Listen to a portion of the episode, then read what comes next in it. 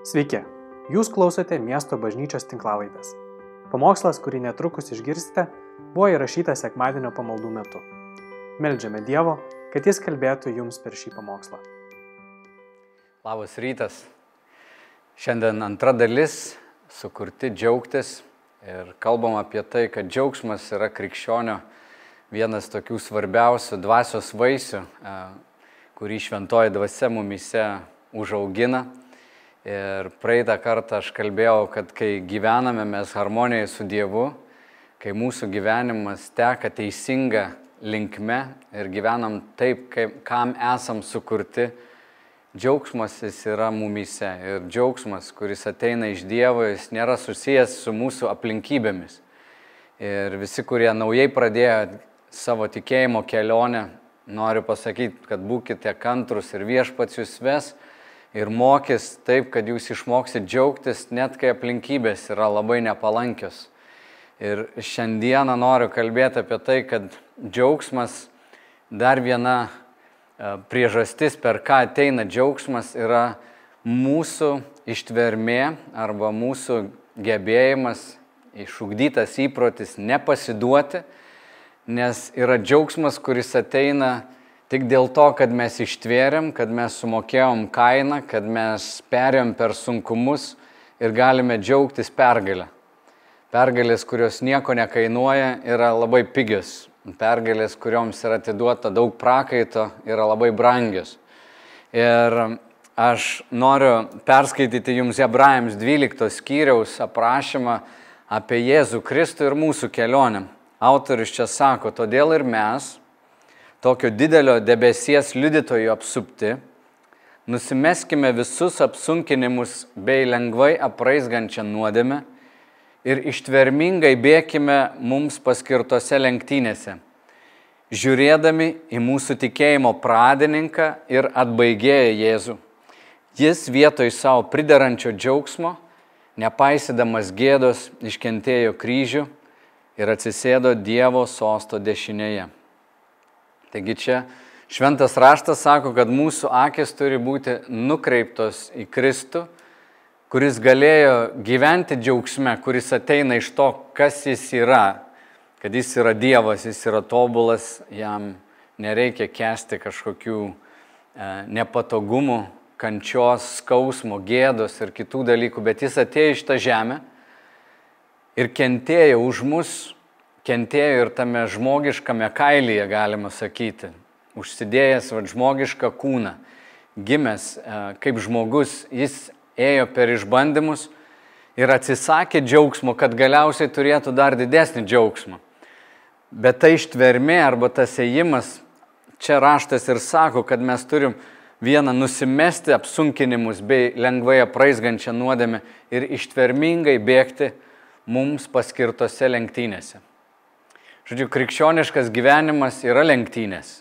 Ir kiekvienas esam paskirime. Dievas turi kiekvienam numatęs kelią. Ir manau, galiu drąsiai teikti, kad tas kelias, kurį tu įsivaizduoji, nėra Dievo kelias. Iš to, kiek aš matau šventame rašte. Ir svajonės, kurie žmonės šiaip susigalvoja ir galvoja, aš atėjau pas Dievą, dabar viskas išsispręs, problemų nebus, bus faina, gerai. Tai nėra pagrindo taip mąstyti, kad tau gyvenimas bus tik rožėmis klotas kelias. Nes ir apaštalas Petras sako, kad jūsų išbandytas tikėjimas yra brangesnis už pragaištantį auksą. Visa, kas yra vertinga gyvenime, turi savo kainą. Ir džiaugsmas, kurį Dievas mums nori duoti, viena to džiaugsmo tokia e, rūšis ir yra iš uh, kentėjimo arba sunkumų perėjimo pergalės džiaugsmas. Papasakosiu jums istoriją apie ilgametį kentėjimą vienos mūsų brangios sesės Svetlanos. Kai gimė, jos mama nelabai norėjo būti mama ir jai dar mažai esant mama atvedė Svetlaną pas močiutę ir sako, tu ją augink. Ir jinai pati išėjo gyventi savo savarankišką gyvenimą. Žodžiu, nenorėjo prisimti mamos atsakomybės. Močiutė ją augino, Bet vieną dieną Svetlana pasakojo, kad sėdėdama mokykloje ir berots 12 metų atvažiavo nepažįstami žmonės iš vaikų apsaugos, ar kaip tada tarybiniais metais vadinosi, įsodino ją į mašiną be langų, svetimi žmonės ir išvežė ją į vaikų namus, atvežė į pastatą ir sako, tu čia gyvensi. Ir ji ten gyvena. Jūs galite įsivaizduoti ir tas skausmą, tas dienas, kai reikia už save pastovėti, kovoti Paskui Svetlana baigė mokslus, žodžiu, anksti pradėjo suaugusios gyvenimą, ištekėjo, turėjo vaiką, gyveno būte, dviejų kambarių būte, kur dvi šeimos dalinosi būtai, e, tais kambariais. Ir kai buvo 25 metai, jos mama atėjo, atsidūrusi gatvėje, atėjo ir sako, gal gali priimti mane gyventi. Svetlana ją priėmė, pakalbėjo su vyru, e, vienam kambarį gyveno. Bet visą tą laiką mama ją keikdavo, iš jos tyčiodavosi. Ir iš tiesų tas gyvenimas buvo beprotiškai, beprotiškai sunkus. Paskui Svetlana atrado Kristų, jos gyvenimas pradėjo keistis. Ir jinai um, pradėjo melstis už savo mamą, kad Dievas ją keistų, kad mama būtų kitokia, kad jinai nustotų tyčiotis, smerkti ir panašiai. Ir vieną dieną Kristus jai prabilo ir pasakė, kad a, tu turi jai tarnauti, nustok jai pamokslauti, nustok bandyti ją pakeisti, tiesiog tarnauk. Ir stebuklas didysis ir įvyko, kad ir Svetlano širdis persikeitė, kad ji galėjo tarnauti mamą ir nustojo, nustojo priekaištauti. Tai čia gal didžiausias toks stebuklas, o mama toliau ją niekina ir iš jos tyčiojasi. Žodžiu, nebuvo lengva. Ir buvo momentų, Svetlana pasakojo, kad kartais reikėdavo melsis Dievę padėti, kad nepakelčiau rankos prieš, prieš mamą. Galiausiai mama susirgo, nepagydoma tokia lyga. Ir kai dukra ją lankė ligoniniai, mama toliau keikdavosi, žodžiu, buvo labai nemaloni. Ir palatoje gulinčios moteris sakydavo, tu esi šventoji, Svetlana sako, ne, aš nesu šventoji, aš tiesiog bijau Dievo. Dievas moko, kad turi gerbti savo tėvus, savo tėvą, motiną. O tėvo niekada jį nepažinojo, čia buvo vienintelė vat, ir mama, tai ta artimiausia giminė. Ir meldėsi už mamą, tarnavo jai Galiausiai likus dviem savaitėm iki mamos mirties, mama įtikėjo Kristų ir jo širdis persikeitė. Ir jūs galite įsivaizduoti Svetlanos džiaugsmą. Ir mama vienas iš dalykų, ką Svetlana man pasakoja, sako, mama pasakė tokius žodžius, sako, kaip gaila, kad aš neišmokau melstis. Ir tos dvi paskutinės savaitės jį pradėjo skaityti Bibliją, nustojo keikti savo dukrą. Bet 50 metų dukra girdėjo iš mamos baisius žodžius. Tai padarė didžiulę žalą jos nu, vidiniam gyvenimui, jos savivertė ir panašiai. Bet pabaigoje Dievo gailestingumas. Dievo gailestingumas Svetlanai jos perkeista širdis iš Dievo malonės, o ne kažkokių žmogiškų, tiesiog gražių pastangų. Perkeitė jo širdį galiausiai mama ja, išėjo pas viešpatį. Ir paskutiniai žodžiai buvo, Sutlanas sako, kai aš ateisiu, sako, mama, tu mane pasitiksi. Mano dukrytė, kurios, kuri yra danguje, jinai ateis pasitikti, mes vėl susitiksim. Ir mama jau nebekalbėjo tuo metu, tiesiog mirktelėjo akimis. O man tai yra toks fantastinis Dievo gailestingumas, kad kol nesuėjo ta paskutinė minutė, kol netėjo ta akimirka, kada atrodo, kad viskas baigta, negali padėti taško. Ir Dievo keliai, jie tokie mistiški, tokie keisti. Mes kartais galvojam, turėtų būti fainai, turėtų ta mama galbūt atsiversti labai greitai, turėtų nustoti, žinai, keikti mane ar panašiai.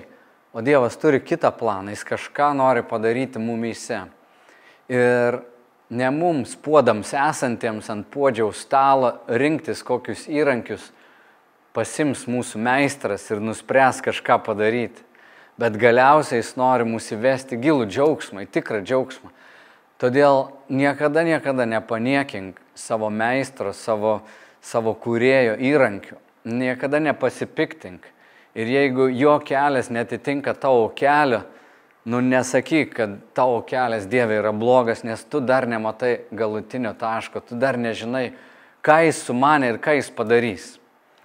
A, tai yra toks padrasinimas. Jėzus labai gražiai pasakė apie tą vat, e, skausmą, kuris kartais gyvenime ateina, jisai sako, gimdydama moteris būna sielvarto prislėgta, nes atėjo jos valanda.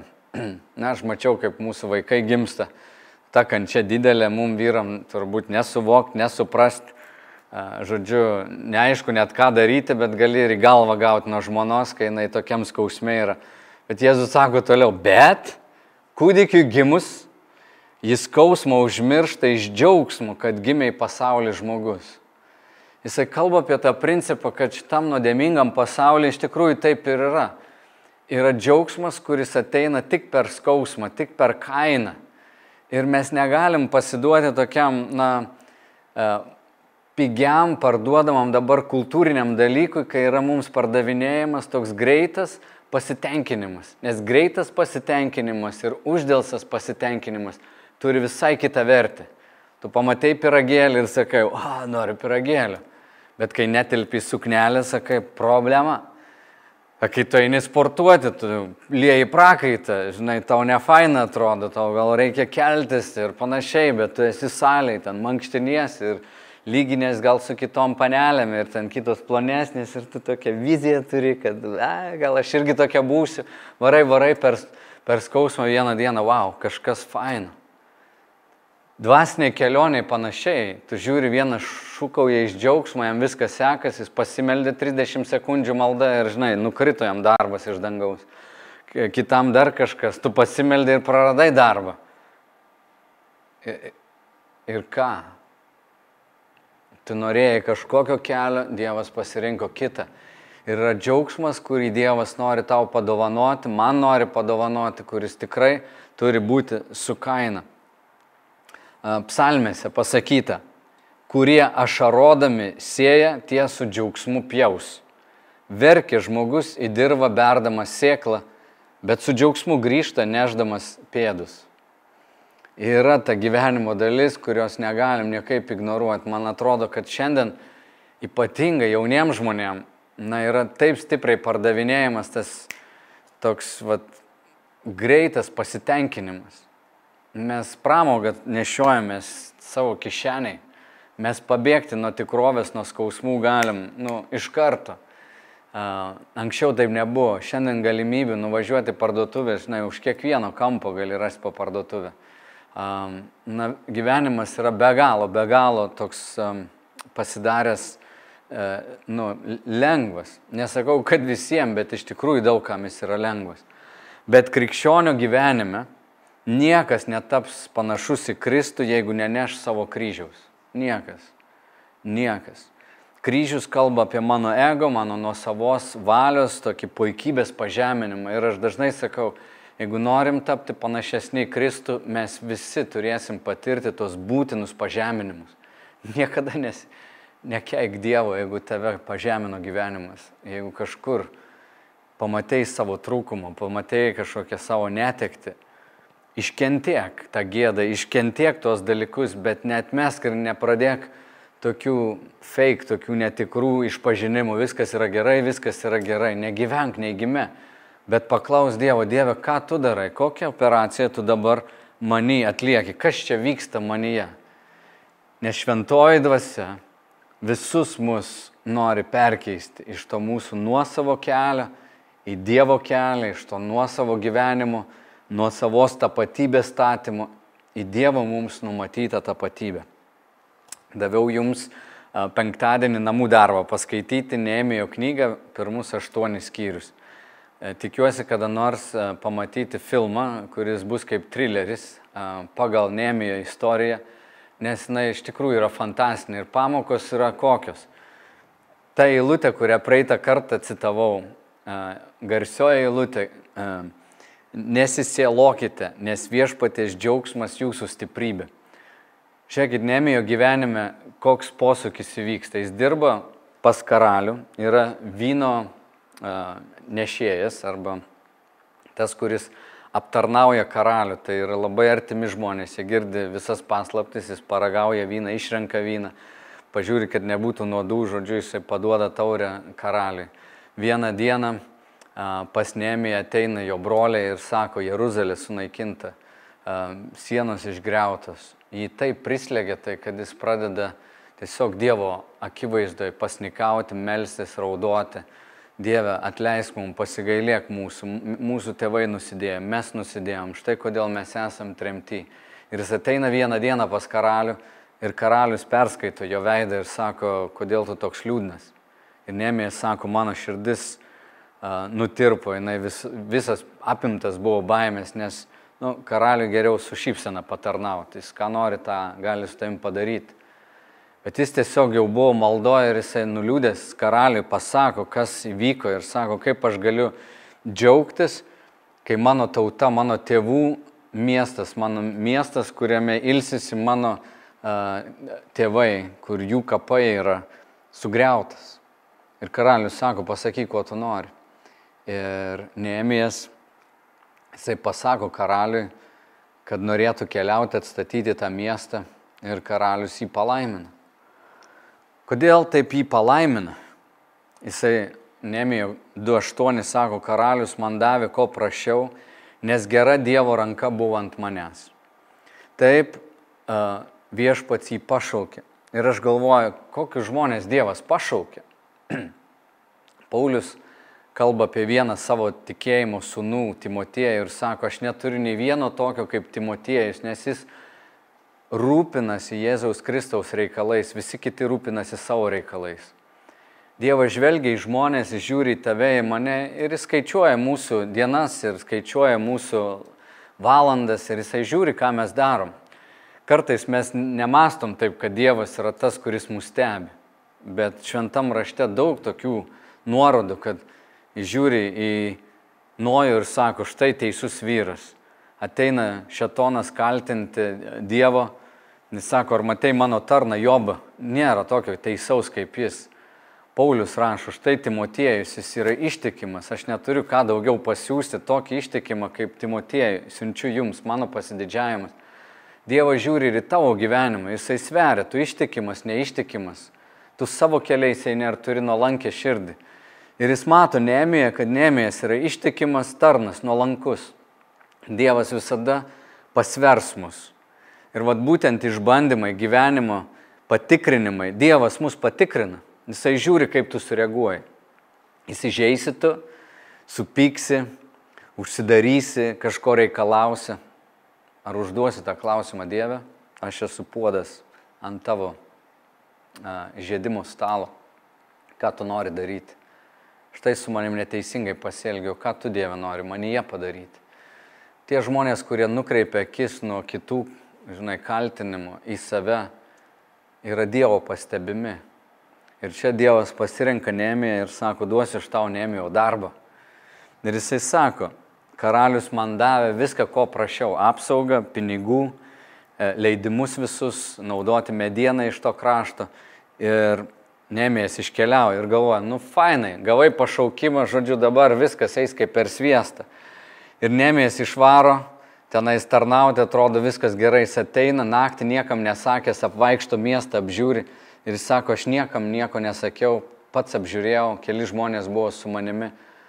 Bet paskui viską apmastęs jisai supranta, kokio dydžio užduotis Ir tada jis ateina pas vyresniuosius, pas to miesto iškilmingus to žmonės ir jisai tarė jiems, jūs matote, kokiame varge esame, Jeruzalė apleista ir jos vartai sudeginti. Atstatykim Jeruzalės sieną, kad nebūtų mums pažeminimo. Štai vizija. Dievas įdėjo širdį, kad nebebūtų pažeminimo. Ir sako, papasakau jiems, kaip mano Dievo ranka buvo su manimi. Taip pat papasakau, kad karalius man kalbėjo. Jie sakė, pakilkime ir statykime. Taip jie sutvirtina savo rankas geram darbui. Va čia atrodo, nu pabaiga. Surinkau komandą. Visi vyresnėji, vyriausybė, prezidentas pasirašo, judam į priekį, bus dabar fainai. Bet ne tokia istorija. Ketvirtas skyrius prasideda grasinimai, gazdinimai.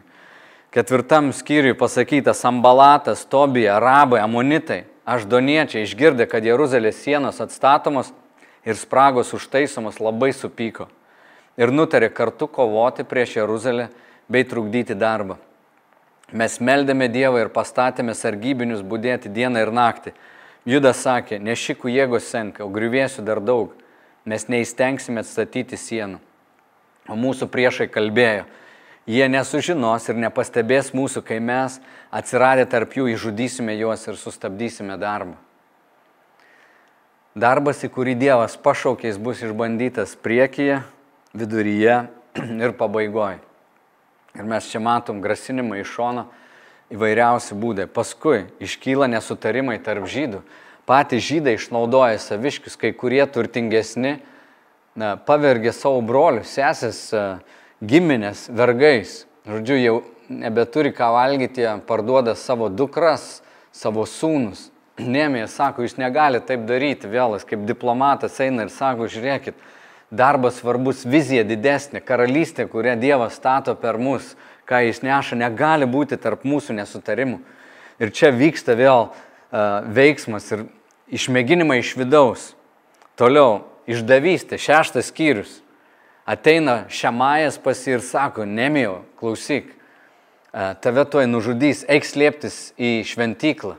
Jis lėkia, atrodo, turėtų lėkti į šventyklą, pasislėpti. Šventykla yra, na, paskutinė tavo stotelė. Jeigu jau šventykloje kas nors tave nužudo, vadinasi, jie paniekino Dievą, žodžiu, čia geriausia slėptuvė, bunkeris skirtas prezidentui. Ir nemės jisai klausos, o ką Dievas pasakys, o čia žmogaus nuomonė. Ir galiausiai jisai sako, aš neįsiu.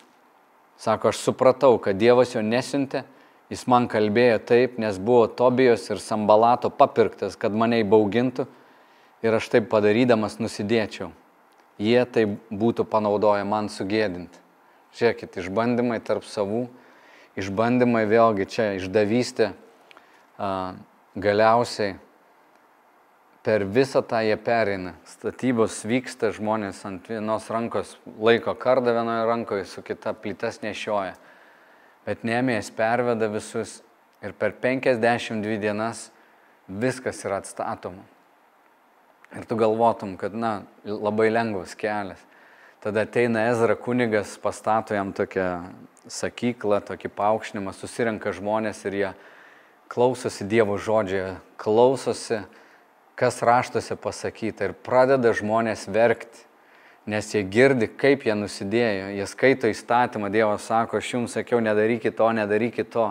Jie mato, mano tėvaigi tai darė, jie brolius pardavė, jie šabo nešventi, e, jubiliejinių metų nebuvo ir visa kita, ir žmonės verkė, verkė, verkė ir tada Neemijas Ezra vaikšto tarp žmonių ir čia ta garsioja eilutė.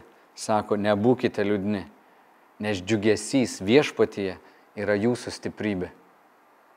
Tai jūsų akis nebūna nukreiptos į kaltes, į to, ko nepadarė taip. Čia iš Dievo malonės dabar jūs raudate, jūs pamatėte, kas yra, bet judėkim toliau, eikim toliau, nes džiaugsmas viešpatyje yra jūsų stiprybė. Ir mūsų kaip tikinčių gyvenime, nežinau, kur tu šiandien esi, koks išbandymas atėjo į tavo gyvenimą, gal išbandymas dar ateis, mūsų pasaulis yra drebinamas. Visa, kas yra sudrebinama, greičiausiai bus sudrebinama. Ir aš matau, ką Dievas daro, kai žmonės įsikabina į dalykus, kurie yra beverčiai, kurie geri, gal net jo dovanas, bet paverčia tai savo gyvenimo ramščiu, saugumu, savo gyvenimo džiaugsmu. Dievo malonė dažnai sudrebina, patraukia, atima iš mūsų, kad galiausiai galėtumėm pasakyti, kaip Habakuko knygoje pasakytų, net jeigu vynoginai neduos jokių vynogių, net lietaus nebus, nebus derliaus ir aš kentiesiu, aš tave viešpatė vis tiek garbinsiu, tavimi džiaugsiuos. Mano padrasinimas, kad tu nesustotum, esi bėgime, esi judesi nesustok, nes ateis džiaugsmus. Visai neseniai turėjau ir užbaigsiu šitą tokią iliustraciją. bėgau savo pirmą tokį e, ultramaratoną 50 km. Trečią valandą bėgdama, šiaip turėjau tikslą per penkias valandas nubėgti. Kokioj trečioj valandoje man taip pradėjo skaudėti kelią. Ir aš 20 minučių tokiam visiškam skausme bėgau. Ir prisiminiau, kad 17 metų negalėjau vaikščioti, man skaudėdavo kelias, aš po dviejų kilometrų sustodavau, aš nepaidavau. Tas skausmas toks, a, galvoju, nebegaliu. Ir man atrodo, kad aš dar labiau susižeisiu, dar blogiau bus. O iš tikrųjų tas skausmas buvo kelias išgėjimą. Man reikėjo pereiti per tą skausmą ir net gydytojas man paskui pasakė, kad turėtum važiuoti dviračiu, turėtum kažkaip lavinti savo kelius, bet tik nesustoti, tik ne, ne, e, žodžiu, nesaugotų kelių. Ir aš bėgdamas kokį 20 minučių tokioje agonijoje buvau, paskui tas skausmas praėjo truputį, visur kitur skaudėjo, bet po penkių valandų aš sustojau ir smegenys užpylė serotoninas ir toks džiaugsmas, galvoju, wow, aš turėjau tą tikslą, e, tris metus bėgioju kiekvieną dieną, va, de, 900 dienų.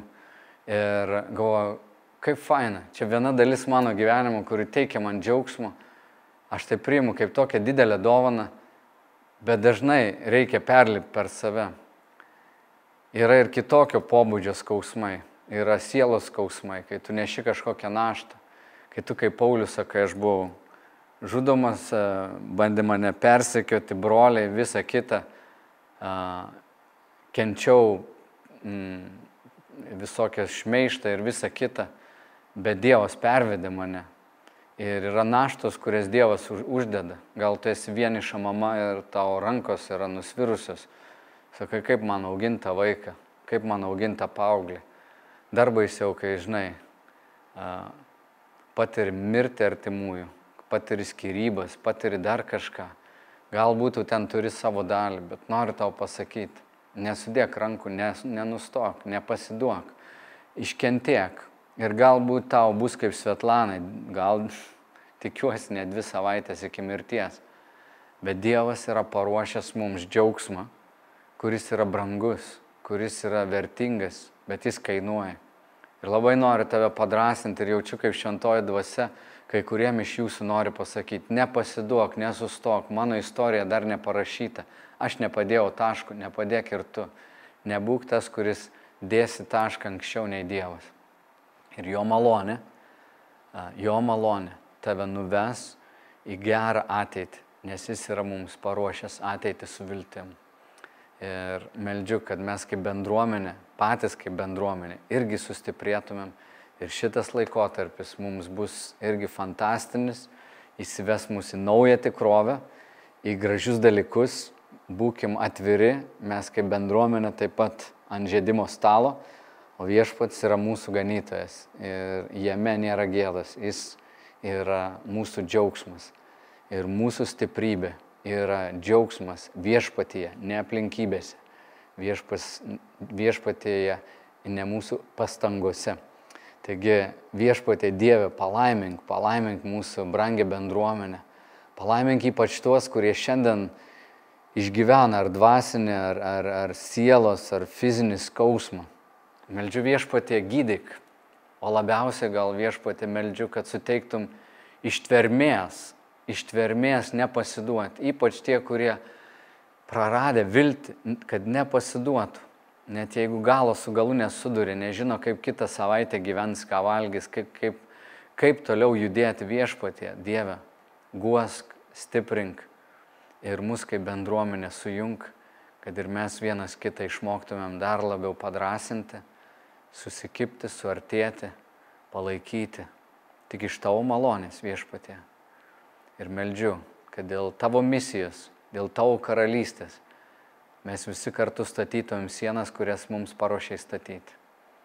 Viso to mes meldžiam Tėvę per mūsų viešpatį Jėzų Kristų. Amen. Ačiū, kad klausėte. Daugiau informacijos apie miesto bažnyčią rasite internete www.m-b.lt arba Facebook, Instagram bei YouTube paskiruose.